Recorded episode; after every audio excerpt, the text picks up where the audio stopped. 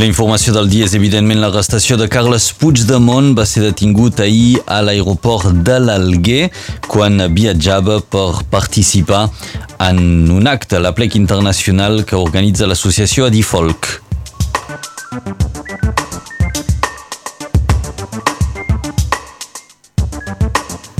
A l'actualitat nord-catalana, segon dia, avui per al Saló dels Balles dels elegits locals i dels decidors públics de Catalunya Nord.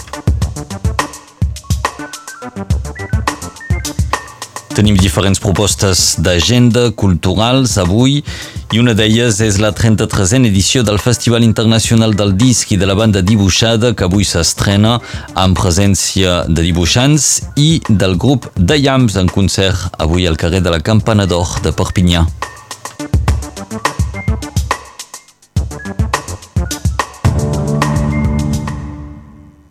Carles Puigdemont va ser arrestat ahir al vespre a l'aeroport de l'Alguer, a l'illa de Sardenya. El president exiliat va ser traslladat a la presó de Sàsser, on hi ha passat la nit.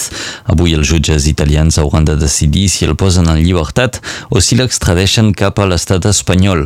Recordem que Puigdemont ja no té la immunitat com a europarlamentari des del 30 de juliol, però el Tribunal General de la Unió Europea va considerar que no hi havia risc de detenció perquè les euroordres estan suspeses. Però la justícia espanyola fa una lectura diferent. El Tribunal Suprem espanyol assegura que aquesta ordre de detenció és activa i això permet reclamar l'extradició de Puigdemont. Fons del Tribunal Suprem asseguren també que l'euroordre mai no s'ha desactivat, una versió que no comparteix la defensa de, de, de, de Carles Puigdemont, que considera que l'euroordre està suspesa per imperatiu legal segons l'Estatut del Tribunal de Justícia de la Unió Europea i el president Puigdemont havia viatjat fins a l'Alguer per participar avui a la plec internacional que organitza cada any l'associació Adifolk. La trobada avui acull una àmplia representació de la cultura popular catalana. I un cop s'ha sabut la notícia de la detenció del president Carles Puigdemont, l'ANC, l'Assemblea Nacional Catalana, ha decidit convocar una protesta d'urgència. La convocatòria es farà aquest matí davant del Consolat d'Itàlia a Barcelona. Junts per Catalunya i els CDRs també s'han sumat en aquesta mobilització. Passem a la informació nord-catalana. Des d'ahir celebra al Parc de les Exposicions de Perpinyà el novè Saló dels Balles elegits locals i dels decidors públics de Catalunya Nord. Ahir els elegits van signar un conveni de partenariat a favor de l'oferta de treball i de la inserció social. També van oficialitzar el projecte Mobile Sol d'energies renovables.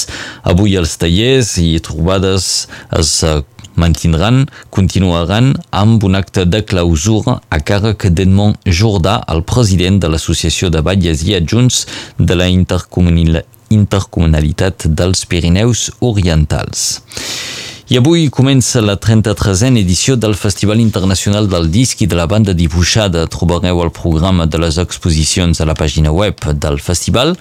Demà obriran les portes del fi de l'església dels dominicans a partir de les 11 del matí, però ja tenim cites avui. El Festival B eh, del Disc i, eh, del, i de la banda dibuixada s'estrena en presència de dibuixants a la botiga BD Ambula al carrer de la Campana d'Or de Perpinyà. Això serà a les 4 de la tarda i dues hores més tard, a les 6, també al carrer de la Campana d'Or, davant de Cuguyu Music, hi haurà un concert del grup The Yams. L'associació Vent de Fam organitza avui un tas de vins a Elna en benefici de la lluita contra l'endometriosi. Aquesta malaltia que afecta entre un 10 i 20% de les dones provoca dolors intensos i una alta probabilitat de patir problemes d'infertilitat. Durant molt de temps ha estat ignorada, però ara les associacions com Vent de Fam li donen visibilitat. Per això vos proposen descobrir els vins de 12 dominis vitícols nord-catalans i un menú preparat per cuiners de la regió en un ambient musical, l'entrada és gratuïta i cada euro recollit per la compra de vins o pel consum in situ seran entregats a la lluita contra l'endometriosi. La cita és avui al domini Sol Paire d'Elna a partir de les 6 de la tarda. Com cada any, el mes de setembre és marcat per la Brema, en una terra de vins com és la nostra. Aquest és un moment força especial i és per això que la revista Cuina, al seu número de setembre, ha dedicat un ampli reportatge a la vinya. A més de posar endavant varietats de raïm del país, també ens ofereixen un petit viatge fins a la Borgonya. Judit Calix és la directora de la revista Cuina ens escapem 24 hores a la Borgonya, perquè com que el setembre és un mes molt, molt relacionat amb, amb la barema i amb el vi, doncs hem eh, dedicat tot un seguit de, de, de les seccions de la revista doncs, al vi. I en aquest, a les 24 hores, sempre fem, ens escapem, doncs, fem un, un viatget eh, proper i recomanem doncs, eh, tant restaurants com botigues doncs, eh, d'un doncs, indret. I en aquest cas doncs, anem a la Borgonya. Després també eh, tenim un reportatge dedicat a les eh, a, a vinyes ancestrals. Això vol dir que hem visitat quatre cellers que han recuperat doncs, varietats del període anterior a la filoxera, o sigui, de que unes varietats de raïm doncs, que sortosament doncs, es van conservar i hi ha uns cellers que es dediquen a, a recuperar-les, entre ells Fos Torres, Albert i Noia i altres més petits. I és, és molt interessant perquè, clar, dius, hosti, hi ha, hi ha encara varietats doncs, de, de, que es van salvar de la filoxera. A més, descobrim eh, els, els, els viticultors, la, la història d'aquesta gent que dius, per què es van dedicar doncs, a, a, a estudiar l'ADN de, de determinat set perquè ja veien que no era ben bé una varietat coneguda. Doncs, doncs tot aquest procés i tota aquesta història. Doncs, darrere de les ampolles és el que diem sempre, hi han petites històries que són molt maques de donar a conèixer. Era Judit Calix, la directora de la revista Cuina. El vi i la vinya són doncs a l'honor del número d'aquest mes de setembre a la revista Cuina, que també posa endavant la gastronomia del país amb les crestes a la portada d'aquest mes. A Andorra la situació sanitària va millorant i el govern ha anunciat una flexibilització de les mesures contra la Covid-19. S'amplia el nombre de persones que poden compartir taula als restaurants, però també en trobades familiars i a les reunions de feina. Els treballadors vaccinats o amb prova d'antígens negativa podran treure's la mascareta per atendre els clients. També s'ha aprovat l'ampliació del nombre d'assistents en esdeveniments culturals i esportius. I passem justament als esports. El Barça va tornar a empatar ahir al camp del Cádiz. Un empat a zero que debilita un poc més l'entrenador Ronald Koeman. Amb aquest empat el Barça és setè de la classificació. Diumenge els blaugranes rebran el Llevant, un partit que jugaran al Camp Nou.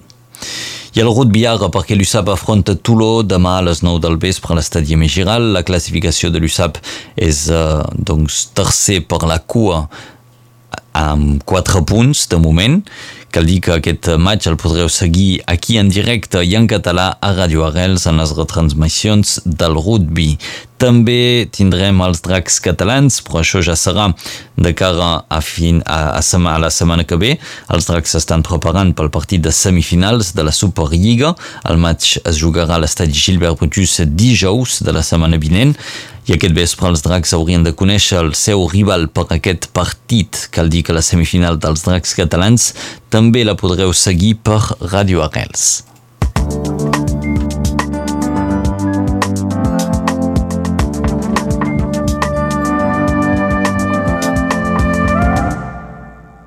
Quin temps ens espera per la jornada d'avui divendres? La resposta a continuació amb l'Enric Balaguer.